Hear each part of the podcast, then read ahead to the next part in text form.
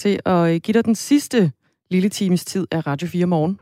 Jeg starter med at kigge ind i vores sms-inbox 1424. Man skal starte sin besked med R4, hvis den skal lande her i studiet på Banegårdspladsen i Aarhus. Michael har skrevet, der er ingen, der forestiller sig børnenes reaktion ved at blive fjernet fra deres møder med forestillingen om, at de er efterladte og svigtet. Det giver og garanterer et hævnmotiv for børnene mod Danmark som den skyldige del i fjernelsen. Må ikke det vil kunne radikalisere børnene på sigt, når deres følelse af svigt tager form. MB har også skrevet, selvfølgelig har vi som land med en human samfundsorden en forpligtelse over for danske statsborgere og deres børn. Hvis de ikke kan dømmes ud fra dansk lovgivning, så må de gå fri. På lige fod med alle andre retssager. Ellers må der jo laves en lovændring i Folketinget, som de kan dømmes efter. Kærlig hilsen, MB. Og det er altså en... Øh, vi har fået rigtig mange sms'er på den her historie, fordi debatten om, øh, om de danske børn, øh, der lige nu sidder i fangelejre i Al-Hol og Al-Røg i Syrien, det er 19 børn. De er alle danske. Øh, med dem i fangelejrene, der sidder seks mødre. Skal de hjem? Det er det store spørgsmål. Regeringen har åbnet for, at man vil øh, undersøge, om det kan lade sig gøre, og hente børnene hjem, uden at forældrene kommer med.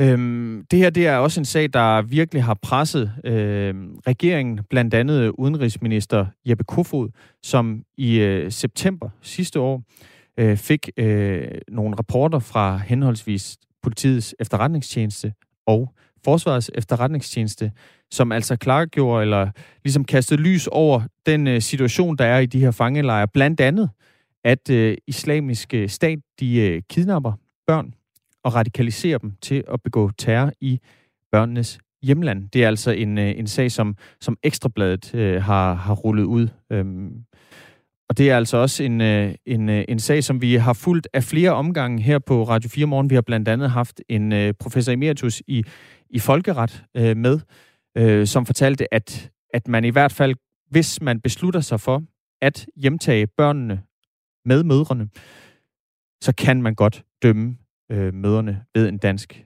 retssag. Men er den her retssag mod mødrene en løsning i forhold til at tage de danske børn hjem fra lejrene? Det prøver regeringens støttepartier altså øh, at presse på for i hvert fald. I sådan en grad, at øh, statsministeren ifølge BT i hvert fald har holdt krisemøde.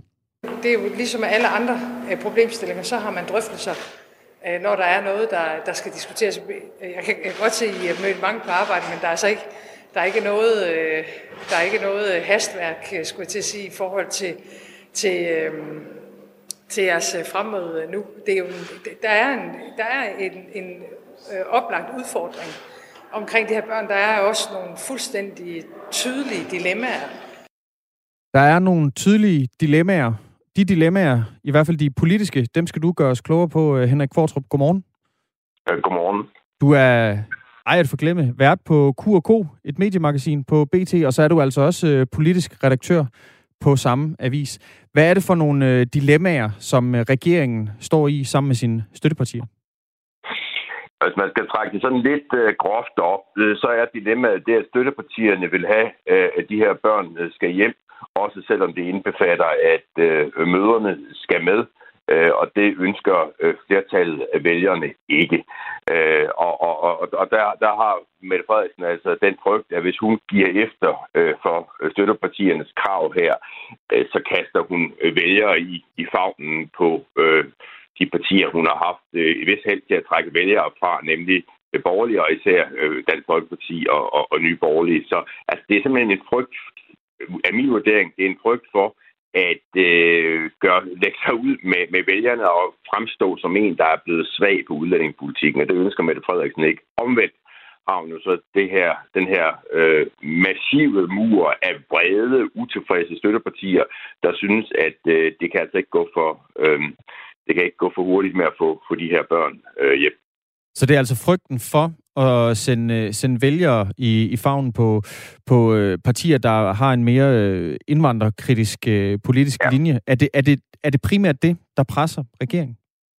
Ja, det er klart, hvis du spørger Mette Frederiksen, så vil hun jo aldrig bruge øh, det argument. Så vil hun sige, at øh, jamen, vi ønsker ikke at bringe, at de her mennesker har, har forladt Danmark. Der er en risiko ved at tage dem tilbage til, til Danmark. Den risiko vil jeg ikke løbe, vil, vil statsministeren sige. Problemet i den sammenhæng er bare for Mette Frederiksen, at øh, der er jo dukket de her øh, øh, redegørelser fra øh, Forsvarets efterretningstjeneste op, der rent faktisk dokumenterer, at det er farligere øh, at lade såvel øh, børn som, øh, som mødre blive nede i lejren i Syrien. Så til det argument, som jo hidtil har været Mette Frederiksens øh, vigtigste, øh, det eroderer lidt i de her dage, fordi det viser sig, at det, det farligste ud fra en sikkerhedsmæssig vurdering faktisk er at lade, lade børnene blive i, i lejrene sammen med deres mødre. Regeringens øh, støttepartier, altså Enhedslisten, SF og Radikale Venstre, de kræver altså de her 19 børn med dansk tilknytning, øh, der for øjeblikket sidder i to fangelejre i Syrien. Dem vil de altså have hjem. Og Mette Frederiksen, hun fastholdt jo tirsdag eftermiddag, at regeringen ikke vil hente børnene hjem, hvis møderne de følger med.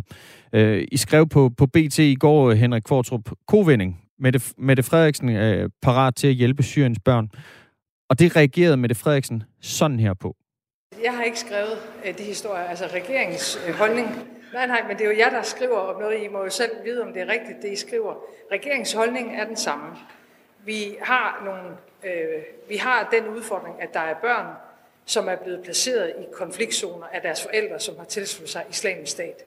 De børn er i en rigtig svær situation. Vi har hele tiden sagt, at der kan være humanitære forhold, der tilsiger, at vi skal hjælpe de børn.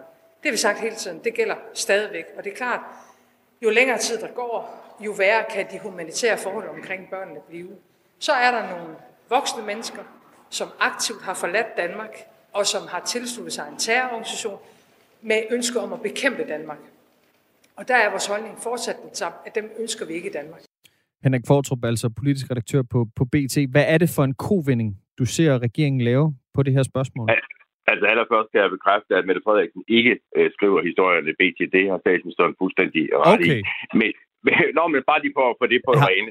Øh, øh, jamen altså, kovendingen består i, at presset mod øh, regeringen for øjeblikket er så massivt, at fra bare at tale om, at det er da også synd for de her børn, og gid vi kunne tage dem hjem uden at tage møderne med, så er der i disse her dage altså regulære bestræbelser på at skabe en løsning, der gør, at øh, støttepartierne bliver øh, imødekommet. Og når de sidder og arbejder med det, og dermed har foretaget en kovending i forhold til, hvordan positionen var for bare få dage siden, så hænger det jo sammen med et, et andet aspekt, man også er nødt til at læse ind i denne her øh, i det her forløb, og det er øh, udenrigsminister Jeppe Kofod, der er øh, en mand, som hvis øh, politiske liv hænger i en meget, meget tynd tråd, fordi han i hvert fald forløbig er blevet politikeren, blevet ministeren, der sidder med ansvaret for, at øh, det øvrige folketing ikke er blevet orienteret om de her øh, rapporter fra, folk, fra Forsvarets efterretningstjeneste,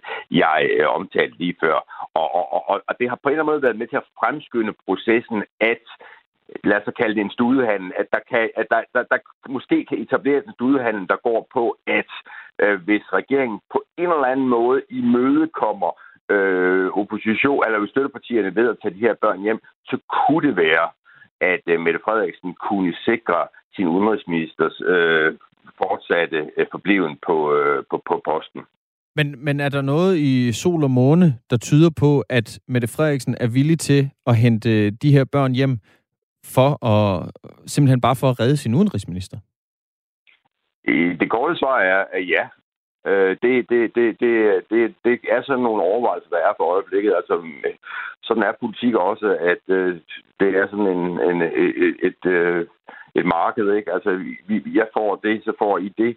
Øh, og, og det, som Mette Frederiksen så i, i givet fald ville få, ville være, at øh, hendes, øh, hendes udenrigsminister går fri. Så ja, det er klart med i, i overvejelserne, og det er klart det, der gør, at øh, de pludselig har fået så travlt op i statsministeriet med at strikke en eller anden løsning sammen, fordi ellers øh, tør, jeg, tør jeg faktisk godt vurdere, at øh, så hænger... Øh, så, så, så, så ryger den øh, meget, meget tynde tråd, som, øh, som øh, Jeppe Kofod hænger i. Og hvis vi skal kigge lidt øh, ind i, ind i spokhulen, der er Henrik Kvartrup, altså politisk redaktør på, på BT. Hvad, hvad er det så, der foregår bag kulisserne lige nu? Altså, er, er det realistisk, at man kan, kan hente de her børn hjem? Jamen altså, det der jo er øh, øh, det er meget vanskeligt i den sammenhæng, øh, og, og formentlig også derfor, at det ikke er sket øh, for længst, det er jo, at øh, det er svært at hente de her børn hjem, uden at deres mødre øh, følger med. Og der, der har statsministeren jo ligesom fået, markeret, fået nogen vil sige, malet sig op i et hjørne. Man kan også sige øh, markeret meget tydeligt, at de her møder, som jo allerede har fået prædikatet terrorister, landsforrædere på sig, øh, de her møder vil statsministeren simpelthen ikke have øh, til, til, til Danmark. Og det kan man jo mene mange ting om. Altså man kan jo for eksempel pege på, at øh, vi, vi argumenterer jo som regel i Danmark for, at hvis, hvis der er Øh, Øh, udlændinge i Danmark, der har begået kriminalitet, så skal de hjem til deres øh, hjemlande. Det modsatte gør sig øh, ikke rigtig gældende, gældende her. Men, men, men det er bare ligesom et, et kardinalpunkt for statsministeren, at de her møder ikke må komme til Danmark. Til det er der jo bare at sige, at det er jo et, et legalt politisk synspunkt, som i hvert fald indtil videre har, har, har opbakning. Men øh, hvis man for eksempel ser rundt på, på, på nabolandene, så har Norge øh, for eksempel øh, trukket øh, de børn hjem, der har, det, der har været nogle, nogle norske børn, der har befundet sig i en lignende situation, og der er møderne til de her børn også øh, kommet til Norge og er nu øh, en, en del af en, øh, en retssag oppe i Norge. Så altså, det, det her med, at man ikke kan tage, tage, tage møderne tilbage og retsforfølge det er i hvert fald ikke noget, der, øh, der, der, der gør sig gældende i lande tæt på os. Mm. Her til sidst, øh, Henrik Kvartrup, altså du er jo øh, tidligere spindoktor. Kan statsministeren, altså nu har de jo flere gange øh, været ude at sige, både hende og også øh, Rasmus Stocklund, øh, altså at, at man ikke vil have de her børn hjem, hvis øh, forældrene kommer med. Kan regeringen på en eller anden måde vende den her sag til en vindersag? Eller er det et spørgsmål om at begrænse skaderne? det er et godt spørgsmål. Altså, det, det vil være... Øh meget vanskeligt for regeringen at, at vende det til et vinderspørgsmål, hvis børnene kommer hjem sammen med øh, møderne. Man kan jo sagtens argumentere for, at det vil være rimeligt, men, men den anden historie, du spørger til, om de kan vende, vende til en vindersag, mm. det vil være meget vanskeligt, fordi der vil altså stå en række partier, med Dansk Folkeparti, øh, Nye Borgerlige, for så vidt også Venstre og Konservative i spidsen at sige, okay, da det kom til stykket, der kunne den her regering altså ikke fastholde en stram udlændingepolitik, og det er den situation, Mette Frederiksen frygter, og det er derfor, at øh, vi for øjeblikket står i en situation, hvor øh, det jo til synligheden er syv møder øh, nede i øh, en lejr i øh, Syrien, der forhindrer, at vi kan hjælpe 19 danske børn. Det er simpelthen, øh, øh, øh, årsagen er frygten for at blive udstillet som øh, nogle øh, udlændingepolitiske slapper, og det ønsker Mette Frederiksen ikke, fordi at det, at hun fremstår som en, en stram politiker på udlændingepolitikken, det er et langt stykke hen ad vejen nøglen til forståelsen af den succes, som øh, Socialdemokratiet har haft gennem de seneste år. Så den, den position ønsker de simpelthen ikke at, at slække på. De, der ønsker de ikke blot så. Henrik Kvartrup, tak fordi du var med her til morgen. Fornøjelse, selv tak politisk øh, redaktør på, på BT og øh, vært på Q&K, mediemagasinet på BT. Vi får sms'er på, øh, på den her historie, og den her snakker om et, et, et, må vi sige, et dilemma om, hvad der er, der skal ske for, for fremtiden for de her kvinder og børn, der sidder i Syrien. Torben han skriver, vi skal have de børn hjem, hvis, hvis det kan ske uden forældrene, og hvis vi har en god plejefamilie til at tage imod dem, så er der ingen risici, og vi gør, hvad vi skal i forhold til børnene, skriver Torben han på 1424. Michael har også skrevet, ud over terrorrisikoen ved at tage børnene hjem, skal man så også, øh, skal man også gange øh, antal børn med 50.000 kroner om måneden til blandt andet plejefamilier, indtil børnene bliver 18 år. Og lurer mig, om de ikke får lov til at bringe hele familien hertil efter et stykke tid, for det har de desværre krav på, skriver Michael. Øhm, Daniel skriver også herinde. I forhold til, jeg vil bare gerne lige knytte ja. en kommentar til Michael. Det skal du være SMS. velkommen til. Altså i forhold til terrorrisikoen, der er det jo i hvert fald øh, både politiets efterretningstjeneste og forsvars efterretningstjenestes vurdering, at sikkerhedsrisikoen eller terrorrisikoen ved at lade børnene sidde i de her lejre, den er altså større end hvis man valgte at tage børnene og det er altså en, øh, de her rapporter, det er altså nogen, som Ekstrabladet har fået, har fået indsigt i og, og grave frem. Daniel han har skrevet en øh, sms herind. Så Mette vil hellere bevare magten, end at gøre det rigtige. Hun er børnenes statsminister, som hun jo også øh, i hvert fald selv har påpeget. Og klokken den er hermed blevet 19 minutter over 8. Du lytter til Radio 4 morgen. I studiet Dagmar Eben Østegård, Christian Magnus Damsgaard. De danske medier de gik i, i gult i går, da Venstres Britt Bager annoncerede, at hun øh, skifter til konservative. Venstres formand Jakob Ellemann Jensen reagerede på partiskiftet her på Twitter ved at skrive. Britt Bager siger farvel til Venstre. Det ærger mig selvfølgelig. Vores politik ligger fast. Vi er et borgerligt liberalt parti. Men jeg kan læse, at Britt har flyttet sig, og i dag ser sig selv som konservativ. Jeg ønsker Britt god vind fremover. Og nu kan vi sige uh, godmorgen til dig, Britt Bager. Godmorgen. Nyt medlem af Folketinget for konservativ, og altså tidligere politisk ordfører for uh, Venstre blandt andet. Hvad er det, du er utilfreds med i Venstre? Jamen, der er jo flere ting, som, øh, som har gjort, at jeg øh, har følt mig nødt til at, øh, at skifte til konservativ. Der er både nogle øh, politiske ting. Særligt har jeg påpeget, at, øh, at jeg synes, Venstre står øh, for rigid på et skattestop. Det har blandt andet gået ud over, at vi ikke kunne være med i et, øh, i et politiforlig. Jeg synes også, at i, i europapolitikken, at øh, det bliver lige en anelse for federalt til mig. Jeg går ind for et stærkt Europa, og jeg går selvfølgelig ind for øh, Danmarks medlemskab af Europa, men jeg går også ind for en øh, stærk nationalstat. Og så har jeg også været... Øh, ja, jeg har virkelig haft store kvaler med, at vi har lavet udlændingepolitik med det radikale venstre, og ikke har stået sammen med konservative Dansk Folkeparti og, øh, og nye borgerlige. Så det er sådan tre helt konkrete øh, politiske ting, som har, øh, har gjort ondt på, øh, på mig. Men altså, der er en række episoder, og det her det har været en meget, meget velovervejet beslutning, som, øh, som på ingen måde er taget, øh, taget natten over. Hvad for noget udenrigspolitik øh, eller udlændingepolitik har Venstre lavet sammen med øh, Radikale Venstre?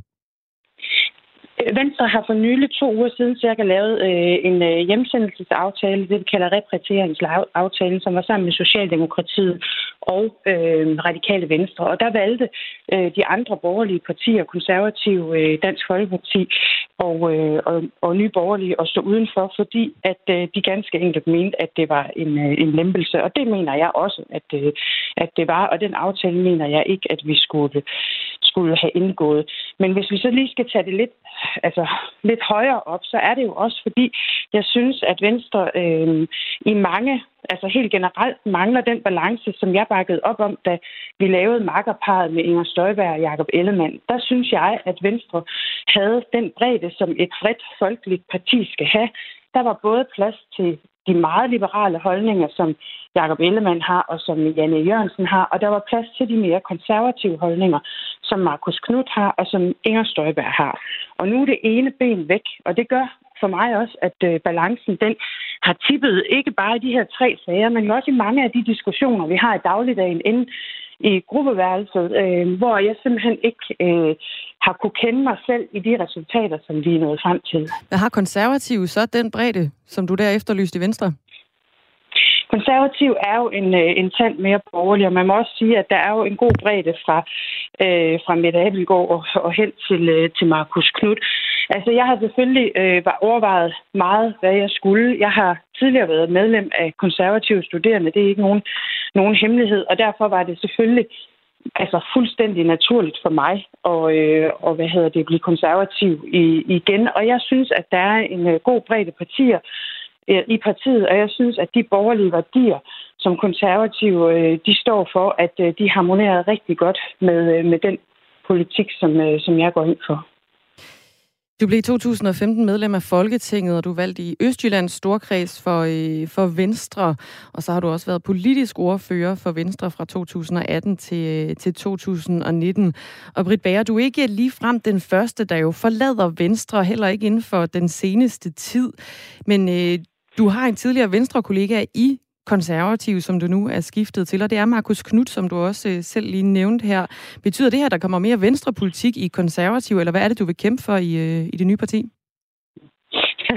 Jeg ved ikke, om man kan sige, at der kommer mere venstrepolitik i, øh, i de konservative. Jamen, der er jo mange ting, jeg, jeg gerne vil kæmpe for. Nu afhænger det jo rigtig meget af, hvad det er for et øh, ordførerskab, jeg får. Jeg har sagt til Søren Pape Poulsen og Maja Mercado, der er gruppeformand, at jeg tager det ordførerskab, som, øh, som de mener, jeg skal bestride. Jeg kommer ikke med, med nogen fine fornemmelser eller krav. Jeg tager det, der, der bliver givet til mig. Og så arbejder jeg hårdt med det, og, øh, og arbejder for et øh, bedre og et mere borgerligt Danmark. Forsøger at trække et skridt i den, i den rigtige retning. Jeg har hele tiden sagt, at jeg er øh, pragmatiker helt ind til, øh, til benet. Jeg arbejder hellere et skridt i den rigtige retning, end at sidde med korslagte arme over i hjørnet og ikke øh, opnå noget. Og det kommer jeg også til med det ordførerskab, som, øh, som jeg øh, bliver tildelt på et tidspunkt. Hvilke reaktioner har du fået fra Venstre? Altså, nu taler jeg ikke om den udmelding, som Jakob Ellemann øh, skrev øh, offentligt, men hvad, hvad er der ligesom blevet sagt eller skrevet til dig fra dine gamle partikollegaer? Ønsker de dig held og lykke, eller er de lidt bedre?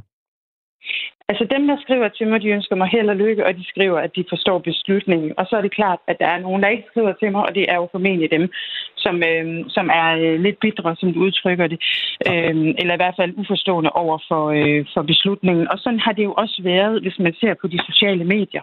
Der har også været nogen, som har skrevet, det kan vi godt forstå, vi er fuldstændig på linje med dig, vi har stemt på dig, vi går med dig til de konservative, eller vi er gået i forvejen, så det er vi glade for, at du gør. Og så er der dem, der reagerer ved at sige, det er, simpelthen, øh, det er vi simpelthen uforstående overfor.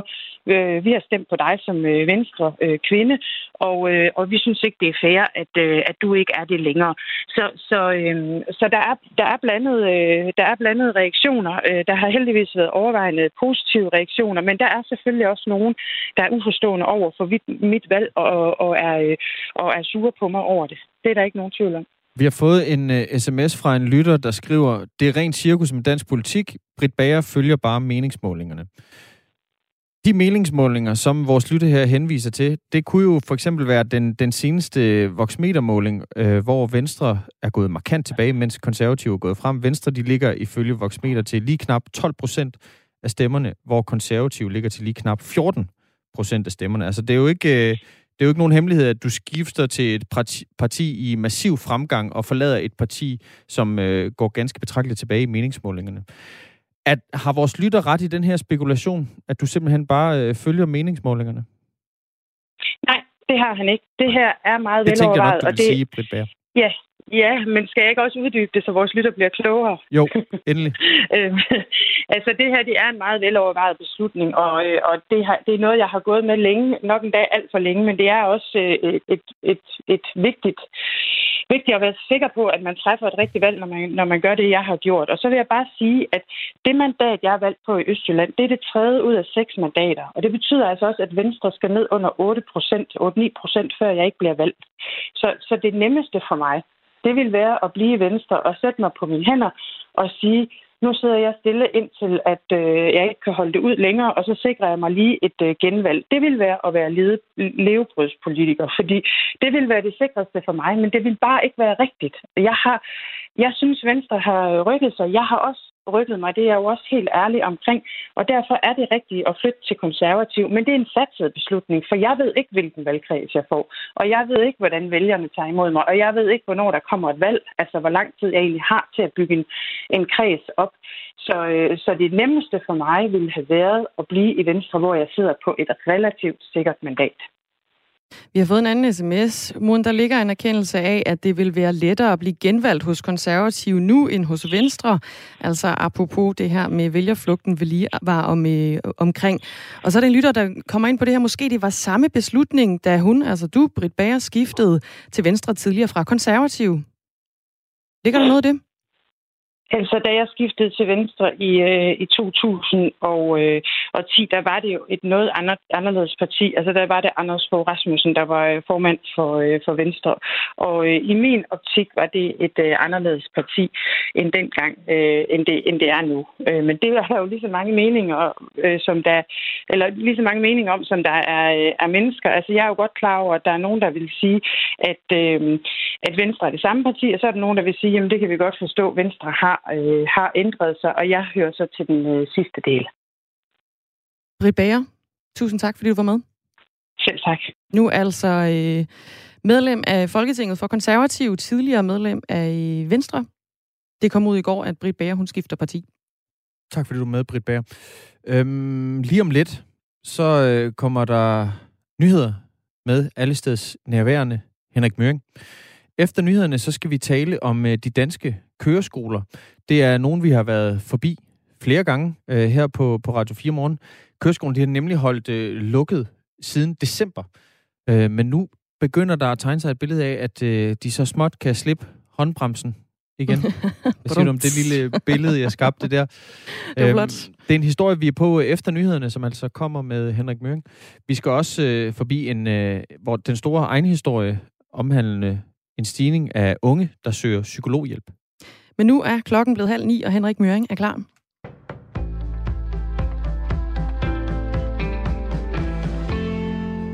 Vi kan ikke alle blive testet mellem klokken 16 og 18, sådan siger justitsminister Nick Hækkerup, der står i spidsen for regeringens teststrategi i forbindelse med epidemien. Danmark har testkapacitet til at kunne håndtere, at en stor del af befolkningen skal testes hyppigt i forbindelse med genåbningen, blandt andet for at kunne bruge deres coronapas. Når det er sagt, kan jeg ikke udelukke, at der kan opstå lokale udfordringer, hvor vi så må ind og tilpasse kapaciteten, udtaler ministeren. Nick Hækkerup opfordrer derfor borgerne til at udnytte alle de åbne timer på testcentrene, så testningen bliver spredt mest muligt ud. Der er i øjeblikket omkring 500 teststeder rundt om i landet. De kan samlet udføre omkring 400.000 test om dagen, fordelt på både PCR-test og lyntest. Det er forventeligt, at et stigende antal unge under coronakrisen har haft brug for psykologhjælp. Det siger formand for Dansk Psykologforening, Eva Sækker Mathiasen. Vi ved, at med en samfundskrise, så vil der være en, en øget forekomst af angst øh, og depression i befolkningen, og også blandt de unge. Det siger psykologformanden efter, at Radio 4 har fortalt, at omkring 15 procent flere unge mellem 18 og 25 år er blevet henvist til en psykolog sidste år sammenlignet med 2019. En del af årsagen til stigningen er også, at psykologhjælp er blevet gratis for unge mellem 18 og 24 år. Og det betyder jo noget ude i lægepraksis, fordi lægen henviser jo ikke en borger, som de ved ikke har råd til at, at indløse henvisning. Men det ved lægerne, at det kan de nu, og derfor så ser man flere henvisninger i de unge. Drømmen om EM-fodboldkampe i København til sommer lever, men kulturminister Joy Mogensen kan jo ikke love, at der kan være publikum til kampene. Det fortæller TV2 Sport. Først i midten af april skal en arbejdsgruppe komme med anbefalinger til, hvornår og hvordan tilskuere kan vende tilbage til et stadion. Allerede den 7. april kræver det europæiske fodboldforbund UEFA, at EM-værtslandene kan stille garanti for, at der kommer fans på lægterne til slutrunden. Og her er det også planen at give et svar, siger Joy Mogensen til TV2. Fra regeringen der har vi øh, bestemt en plan om, at vi skal kunne svare UEFA også konkret inden øh, deadline, sådan så at vi forhåbentlig kommer til at, øh, ja, at få EM også med, med noget publikum øh, til juni. Den israelske premierminister Benjamin Netanyahus politiske fremtid er fortsat uvis. Det indikerer de første valgstedsmålinger fra gårdsdagens valg i Israel. Netanyahus Likud-parti står til at blive størst med omkring 32 pladser i Israels parlament, hvor der er 120. Det er dog ikke nok til, at Netanyahu kan vide sig sikker på at beholde magten, det siger journalist i Israel Jotam Confino. Netanyahu ser altså ud til at kunne muligvis kunne, kunne, øh, kunne danne en regering. En meget, meget, meget, meget snævert flertal på cirka 61-62 øh, mandater, sådan som det ser ud lige nu. Men det er altså kun, hvis han formår at overbevise hans tidligere øh, kollega, den tidligere forsvarsminister og højrefløjs politiker, Naftali Bennett, om at gå med ham i en regering. Øh, ham her, Naftali Bennett, det er altså ham, der er kongemageren i øh, det israelske valg i år. Og han har hverken vil sige, om han vil sidde med Netanyahu, eller ikke vil sidde med Netanyahu under hele valgkampagnen. Og så er der lige tækket en nyhed ind. Den svenske regering lemper på indrejseforbuddet fra Danmark og Norge fra den 31. marts. Det fremgår af et pressemøde ifølge mediet SVT. Danmark og Norge har været omfattet af indrejseforbuddet for at hindre spredningen af den britiske variant af covid-19. Dermed kan nordmænd og danskere med fritidshuse i Sverige besøge deres huse, siger indrigsminister Michael Damberg. Mere om det i nyhederne klokken 9. Mest skyde og overvejende tørt, 6-11 grader og let til jævn vind fra sydvest.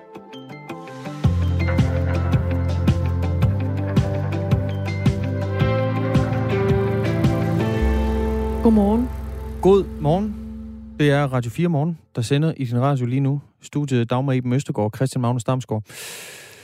Det kunne godt tyde på, at vi efter alt at dømme formentlig højst sandsynligt bliver klogere på. Hvor lange er dine arme? Det er virkelig uden strakt arm, det der. Præcis. Det kunne godt tyde på, at vi bliver kloge på, hvornår vi kan bestille øh, vores indefrosne feriepenge. Finansminister Nikolaj Vammen, han har i hvert fald kaldt til pressemøde i dag kl. 12.30 om den økonomiske situation i lyset af genåbningen af Danmark og udbetalingen af indefrosne feriepenge. Vi fik jo øh, i øh, slutningen af 2020 udbetalt øh, tre ud af de fem ugers opsparet feriepenge, og nu skal de sidste to ugers øh, feriepenge altså ud og, ud og arbejde. Øh, regeringen har tidligere meldt ud, at man i løbet af marts vil kunne gå ind og bestille pengene, hvis man altså har lyst til at få dem udbetalt.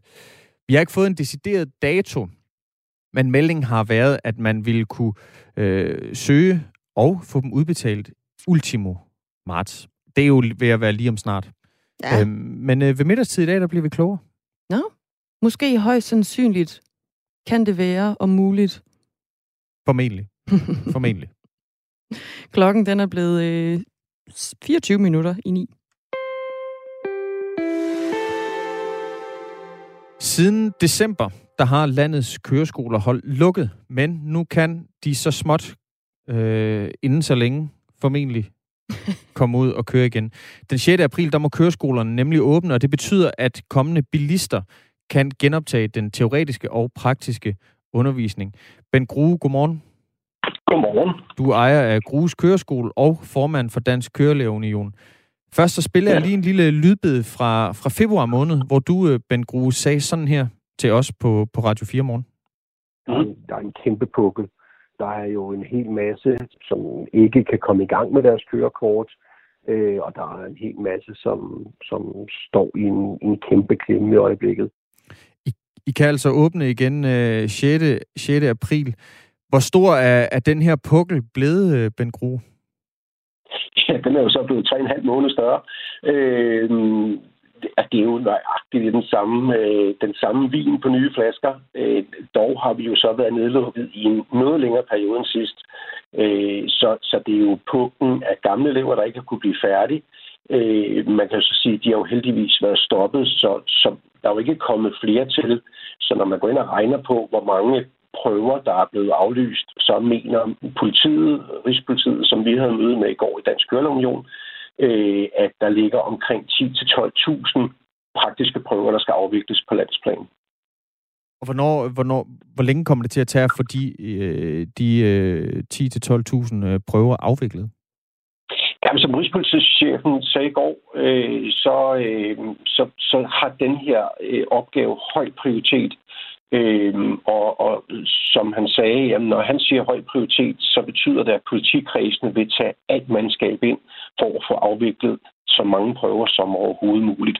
Og det må vi jo så holde, holde øh, Rigspolitiets chef for den her afdeling op imod, øh, sådan så at, at vi får afviklet alle de her prøver. Så kan der, man sige, at så er der jo så også alle de elever, som skulle have været startet. Det vil sige alle de elever, der har stået på venteliste i lang tid for at komme i gang i januar, februar og marts måned. De er jo også blevet rykket. Så, så jeg vil tro, at øh, det kommer til at tage lang tid. Den sidste pukkel fik vi lige dårligt øh, klaret, inden vi blev lukket ned igen. Så, øh, så, så der bliver nok at lave her året ud. Det er, det er helt sikkert. Transportminister Benny Engelbrecht, han har udtalt, at det, citat, er rigtig godt, at køreundervisningen kan komme i gang igen. Vi har løbende sørget for at tilpasse tidsfristerne, så eleverne ikke er kommet i klemme. Og jeg er sikker på, at både branchen og eleverne i den grad er klar til at komme ud på vejene igen. Citat slut. Nærmere regler og restriktioner øh, angående for eksempel mundbind og coronapas i køreundervisning, de vil altså blive offentliggjort snarest muligt, og inden øh, genåbningen øh, af, af køreskolerne, oplyser Transportministeriet. Køre- og teoriprøver, de blev altså aflyst landet over den 12. december, og siden 10. marts, der har det dog været muligt at genoptage undervisning for elever på Bornholm, som 1. marts fik, øh, fik lov til at genåbne mere end, end resten af landet. Det er altså lige knap øh, fire måneder, I har holdt lukket øh, Ben Grue, altså ejer af Grues Køreskole og formand for Dansk Kørelægeunion. Det er jo sådan, hvis man øh, som køreskoleelev har stået og egentlig har afsluttet den praktiske undervisning, man har bestået sin teoriprøve, og så mangler man bare lige køreprøven. Hvordan står man ja. som elev, hvis man øh, ikke har været ude og køre i, i fire måneder?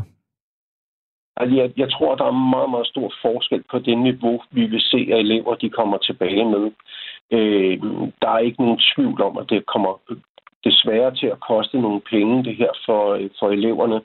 Øh, men om det er en time, to timer, fire timer, der skal til, det, det kan være svært at sige. Men jeg tror, at rigtig mange elever de vil blive glædeligt overrasket. Altså hvis de har fået en ordentlig undervisning af en ordentlig kørelærer, så, så bør de ikke være langt fra at kunne komme til en, en praktisk prøve. Øh, så, så, så mange gange så kommer man også ud i bilen efter sådan en lang periode, hvor at, øh, at man ikke har nogen forventning til sig selv. Det er faktisk forventningens pres på elevernes øh, altså, jeg plejer at kalde dem lidt 12-talsgenerationen, de har et kæmpe, kæmpe krav til sig selv. Og, og lige nu kommer de ud i bilen, og de har ingen forventninger. De tror, de har glemt alt, men de vil opdage, at det kommer lynhurtigt ind øh, under huden igen. Så, øh, så det kan være svært at sige, hvor mange timer der skal til. Men, men det er øh, et, en øveperiode, fordi det vil helt uvilkårligt koste nogle timer. Specielt dem, der stod og skulle til køreprøve øh, den 14. 15. Øh, december. Så er der altså lige kommet 3,5 måneder oveni. Mm. Hvad kan I selv øh, gøre i, øh, i Dansk Kørelægeunion? Og måske særligt, øh, Ben Grue, det kan være, jeg skal spørge dig sådan konkret. Du har jo din egen øh, køreskole, Grus Køreskole. Hvad kan du gøre for at komme i, i bund med, med bunken af, af elever? Jamen altså, det, det som, som vi helt øh, faktuelt gør, det er jo, at øh, udover at vi er mere end klar til at komme tilbage igen, jeg, jeg tror også, at eleverne de vil opleve en meget engageret kørelærer, øh, når vi kommer ud og sidder ude i, i skolevognene, og det gælder jo alle kørelærer. Vi har jo glædet os til den her dag her.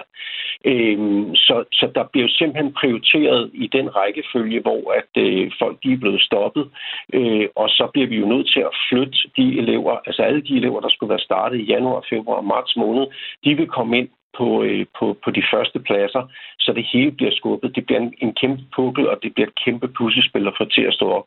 Og så som du sagde, det her med restriktionerne. Øh, vi, vi mangler stadigvæk at få nogle klare restriktioner, og i øjeblikket, der er vi jo liberalt erhverv. Og, øh, og det ser vi jo fra Dansk Kørelunions side et, et kæmpe problem i, fordi lige nu, der er, vi, har jo, vi er jo ikke omsat eller omfattet af antallet i, øh, i teoriklasserne. Vi er omfattet af et afstandskrav, og det vil sige, at vi skal have 7,5 kvadratmeter per elev eller per person i teorilokalet. Så hvis man har et teorilokale på 20 kvadratmeter, så er det altså kun én elev og én kørelærer. Og, og det, der, øh, det, det, det, det er godt nok ikke nemt at, at drive en forretning ud for det. Så, øh, så vi vil meget gerne under skolernes restriktioner, øh, sådan som vi var tidligere. Det vil sige, at vi vil gerne åbne op under samme forhold, som vi egentlig blev lukket ned omkring, at, at vi skulle sidde ned, øh, og når vi sad ned, så kunne vi aftage mundbind, vi siger, og vi havde alle sammen hovedet øh, rettet op mod et lærred. Så, øh, så, så det er det, vi meget gerne ser fra Dansk Køreunion. Det kommer til at gælde igen. Men den snak tager vi med, øh, med vores transportminister, Ben Engelbrecht, øh, og håber på, at vi kan få nogle, øh, nogle helt klare øh, restriktioner på det område. Tak fordi du var med, øh, Ben Gro. Ja, velbekomme. I er altid velkommen. Altså ejer af Grus Køreskole og formand for Dansk Kørelæreunion om, øh, om de her forhold, som øh, den store bunke af øh, elever, der lige nu venter på at komme til køreprøve, til teoriundervisning og til praktisk undervisning i det at lære at køre en bil. Det, øh, det bliver spændende at se, om øh, vejen er sikret ude, når man har, øh, når man har været afskåret fra at sætte sig bag rettet så længe. Øhm, ja, klokken den er blevet øh, 17 minutter i 9. Kanalen er Radio 4 morgen. Et stigende antal unge har under coronapandemien haft brug for psykologhjælp. Det viser nye tal, som vi har fået her på Radio 4. I gennemsnit så er der 15 procent flere unge mellem 18 og 25 år, der er blevet henvist til en psykolog med let til moderat angst eller depression i 2020 sammenlignet med 2019. Og nu kan vi sige godmorgen til dig, William Ambarak. Hej. Hej, du er 23 år, og så er du øh, studerende. Og du er en af de her unge, der har øh, fået en depression sidste år i 2020. Du fik den øh, diagnostiseret hos din læge i sommer, og så fik du en henvisning til en, øh, en psykolog. Hvordan var det, coronasituationen den påvirkede dig og din trivsel? Det, i hvert fald, det har ikke hjulpet på det. Jeg kan ikke umiddelbart sige, at coronasituationen har været det, som har startet det hele, fordi jeg har haft mulighed for at arbejde hjemmefra, jeg har haft mulighed for at studie hjemmefra, jeg har siddet og kunne være social med vennerne, mens vi har siddet og gamet online. Så jeg har ikke blevet påvirket så hårdt, som andre mennesker har, kunne man godt sige, men det har stadigvæk ikke hjulpet med det, og jeg kan godt føle nu, sammenlignet med fra når vi først lukkede ned, så er det der er kommet alle de klassiske symptomer på depression, som er mangel af koncentrationsevne, og det er i hvert fald meget stor en, specielt når man arbejder hjemmefra og har studie hjemmefra. Og det. Og hvordan, altså jeg skal lige have, have et billede af din hverdag. Hvordan ændrede den sig, da coronapandemien den lukkede landet ned? Øh, min hverdag før, det var jo at stå op om morgenen, spise morgenmad, cykle ud på studie, eller tage ind på kontoret i København til at tage på arbejde. Og når landet lukkede ned, så ændrede den sig til at stå op, hoppe foran computeren og gå i gang med arbejde eller studie. Hvordan mærkede du, øh, William, at du var ved sådan og, og langsomt glide ind i en, en depression? Det er svært at sige. Altså, det, jeg kunne mærke, at jeg, kunne ikke, jeg havde problemer med at sove. Jeg havde virkelig meget problemer med at koncentrere mig, og øh, jeg kedede mig næsten hele tiden, og det, jeg havde virkelig mistet motivationen til det hele, til arbejde, til studie, til syd og øh, tyk som med vennerne og det også. Mm. Du vælger så at, at søge læge øh, i sommer. Hvad, hvad var det, der sådan fik dig til at, at søge læge? Det var, at jeg havde en veninde, der godt kunne mærke, at jeg havde ændret mig lidt i mit humør. Altså, og det var, jeg kunne også godt føle lidt, at det var måske ikke lige den bedste periode, jeg gik igennem, øh, da vi over sommeren, når man godt også stadig kunne tage ud og øh, lige drikke en øl udendørs med vennerne. Jeg kunne godt mærke, at det sad jeg overhovedet ikke og nyttede, selvom det ville jeg normalt. Og jeg tænkte, hey, det kan ikke lige skade at få det tjekket ud. Mm. Hvad, hvad sagde hun til dig, øh, din veninde? Hun sagde bare, at hun godt kunne føle, at mit humør havde ændret sig. Jeg var ikke så glad, som jeg bare havde Jeg var ikke så øh, engageret og motiveret. Jeg øh, var meget mere flaky med mine planer. Jeg proppede planer og, og sådan noget der. Mm. Da du, så, øh, da du så kommer til lægen, hvad er det så for en, for en samtale, du har med, med lægen der? Øh, ved lægen, så er det snakket lige om det. Jeg har snakket om, at jeg også har tidligere været på noget medicin i mit teenageår, hvor jeg mistænkte også, at jeg har fået en depression for det, mm. på grund af det. Og så gav han mig den, en ret standard øhm, corona, eller ikke en, en depressionstest hedder det, som er en lille spørgeskema, man udfylder. Og så finder man ud af, hvor mange af de her symptomer har man. Hvad er det for eksempel for nogle øh, spørgsmål, der står i sådan et spørgeskema? Det kan være, har man problemer med at koncentrere sig, føler man sig skyldig over mange ting, og så er det, føler, øh, hvor ofte sker det her, så er det hele tiden, er det over halvdelen af tiden, under halvdelen af tiden, eller sjældent, eller aldrig. Er du så øh, sådan kommet ud på den anden side, eller, er, eller hænger den sådan stadig lidt som en, som en tung sky? Nu, øh, nu er vi gået ind i en, i en nedlukning mere, øh, William Bak. Uh, I hvert fald, det var jo over sommer, mm, jeg fik min diagnose, og så blev, uh, blev jeg tilbudt at tage til psykolog, men det tog lige noget tid at få fat i en psykolog. Så det var først til start december, at jeg startede med behandling. Mm. Og så er det lige her for, nu for nyligt, jeg har startet på medicin til det. Mm. Kan du mærke, at du så har fået det bedre? Behandlingen har hjulpet. Jeg startet psykolog har virkelig hjulpet, men det er i hvert fald det er jo ikke hjulpet nok. Vi sidder lidt fast, og det er også derfor, jeg har startet medicin her. Mm. her. William Mbarak, øh, de unge psykologforbrug, det er jo i gennemsnit sted med, med 15 procent øh, i 2020 sammenlignet med 2019. Det laveste tal, det er fra i Region Syddanmark med 12 procent, og det højeste, det er i Region Hovedstaden med 19,5 procent. Og her på Radio 4, der har vi øh, kontaktet Headspace, vi har kontaktet Sind Ungdom, og også studenterrådgivningen, der i alle sammen bekræfter, at der altså det seneste år har været flere unge, som, øh, jamen, som dig jo, som har haft brug for hjælp, fordi de altså har mistrives under corona. Og vi har lige et klip med Theodor Gerding, der er formand i Sind Ungdom her. Hos os i sin ungdom, der kan vi også godt mærke en øh, markant stigning af, at de unge, vi er i kontakt med, øh, har også virkelig oplevet en forværing øh, af deres mentale tilstand. Så det er klart et billede, vi også, vi også kan genkende til. Men man må jo sige, at den situation, vi er i lige nu med corona, hvor at man er isoleret, mange fællesskaber er lukket ned og har været lukket ned længe, uddannelserne har jo ikke været tilgængelige for fysisk fremmøde, jamen så bliver vi jo meget mere isoleret. Der er rigtig mange ting. Vi ved næsten ikke, hvordan kan man sige, øh, morgendagen ser ud. Øh, og det her med at være omstillingsparat har virkelig fået en ny betydning. Og det er jo noget, der skaber utryghed, skaber usikkerhed, øh, og er en meget, meget stressfuld situation. Så, så det er jo en helt anden verden, vi lever i, og det har rigtig, rigtig stor betydning for, for de unge, vi møder, øh, og ungdom, ungdom generelt. Sagde altså Theodor Gerding, som er formand i SIND Ungdom.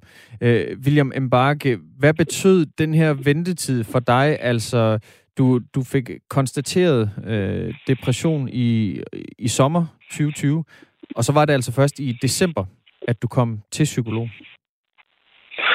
Øh, ja, det var, det var ikke nemt. Jeg har endt op med at gå gennem det private og ikke noget så en, hvor man får tilskud fra staten til det, fordi det var simpelthen ikke muligt at få tid. Enten så var det, fordi jeg skulle rejse til helt Nordsjælland med øh, to timers transport til at komme til en psykolog, eller så var det, man kontaktede en, som sagde, at de ikke havde så lang ventetid, men så fik man aldrig svar eller noget, eller ja, det var bare enten umuligt at få kontakt med nogen, og dem, man så fik svar fra, de havde som flere måneders ventetid.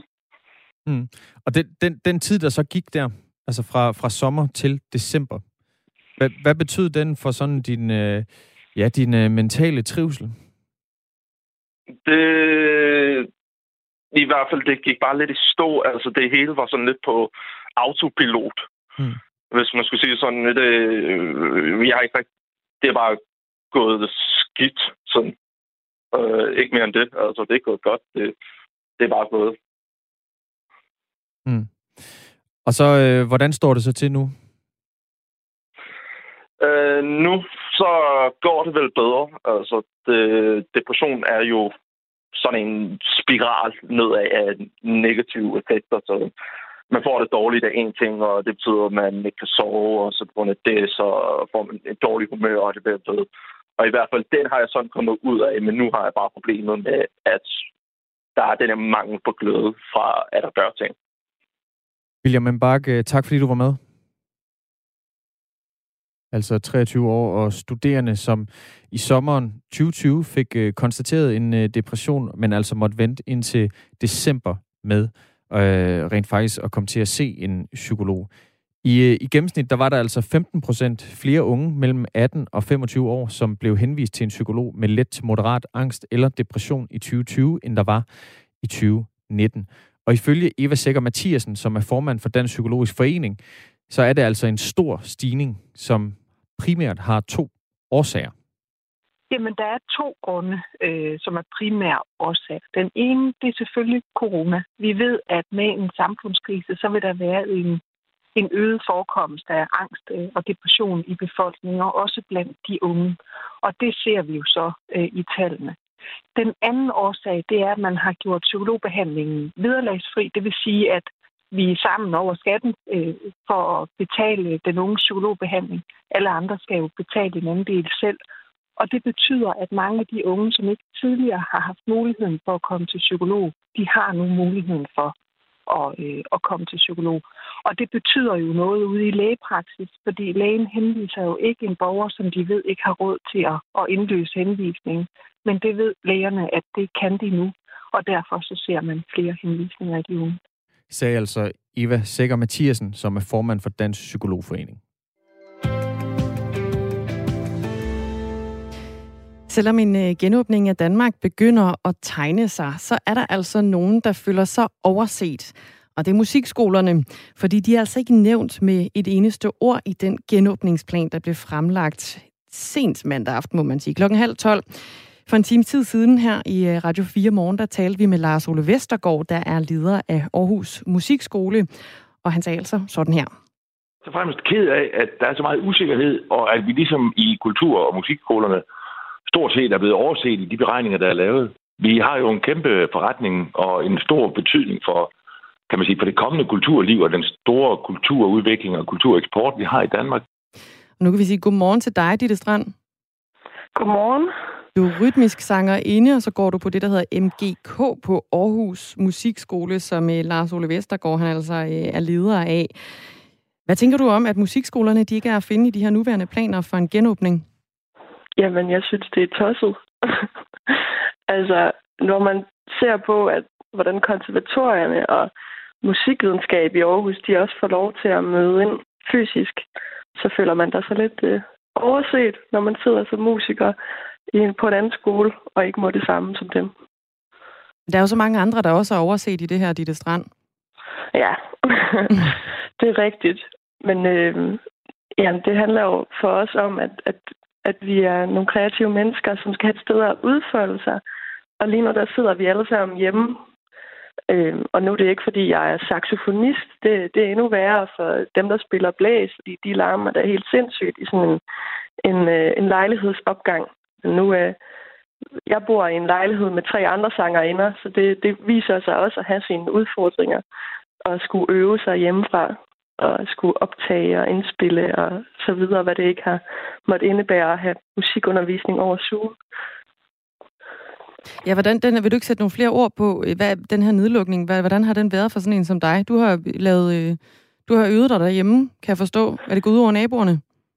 Det er bestemt gået ud over naboerne. Vi har heldigvis nogle søde naboer, men øh, det har da krævet, at vi har lavet nogle aftaler, både ovenfra og nedenunder, og, og man føler sig som en konstant sådan, øh, altså, irriterende kilde til lyd, og man føler sig hele tiden i vejen for dem, der er der, og som jeg sagde før, vi bor fire sanger inder sammen, så det er jo noget med at optage på skift og, og aftale, at man ikke spreder det over hele dagen, fordi så larmer man der for meget, og, og samspil, det er jo helt umuligt. Det er jo, hvor man spiller med sine fire andre øh, instrumentalister. Vi har måttet tage ud af egen punkt for, øh, for at finde et øvelokale, og så må vi øve sammen der, fordi det ikke giver mening at have over Zoom. Vi skal lige høre et øh, lille pip med kulturminister Joy Mogensen fra Socialdemokratiet, som øh, her til morgen har sagt følgende i forhold til jamen, både dine og andres elevers situation på øh, de danske musikskoler. Jeg kan godt forstå frustrationen, men det er øh, sådan lige lidt over 24 timer siden, at aftalen blev indgået, og den handler som sagt om al samfundsaktivitet. Sådan, så jeg vil bare sige, at hverken regeringen eller Folketingets partier har glemt de mange, mange børn og, og lærere, der er med til at skabe det her musik- og kulturskoleliv. Ditte Strand, øh, du går altså på Aarhus Musikskoler. Du har siddet hjemme siden december, ligesom øh, rigtig mange andre. Øh, og der er jo mange andre fra, øh, fra alle ledere og kanter af samfundet, der altså gerne vil slippes løs. Men Joy Mogensen siger altså, at I ikke er, øh, er glemt. Giver det der noget ro i maven? Mm, ikke rigtigt. Altså, vi blev også lidt glemt. Altså, det siger hun, vi ikke blev, men første omgang af genåbningerne, der var vi også langt, langt bagude i.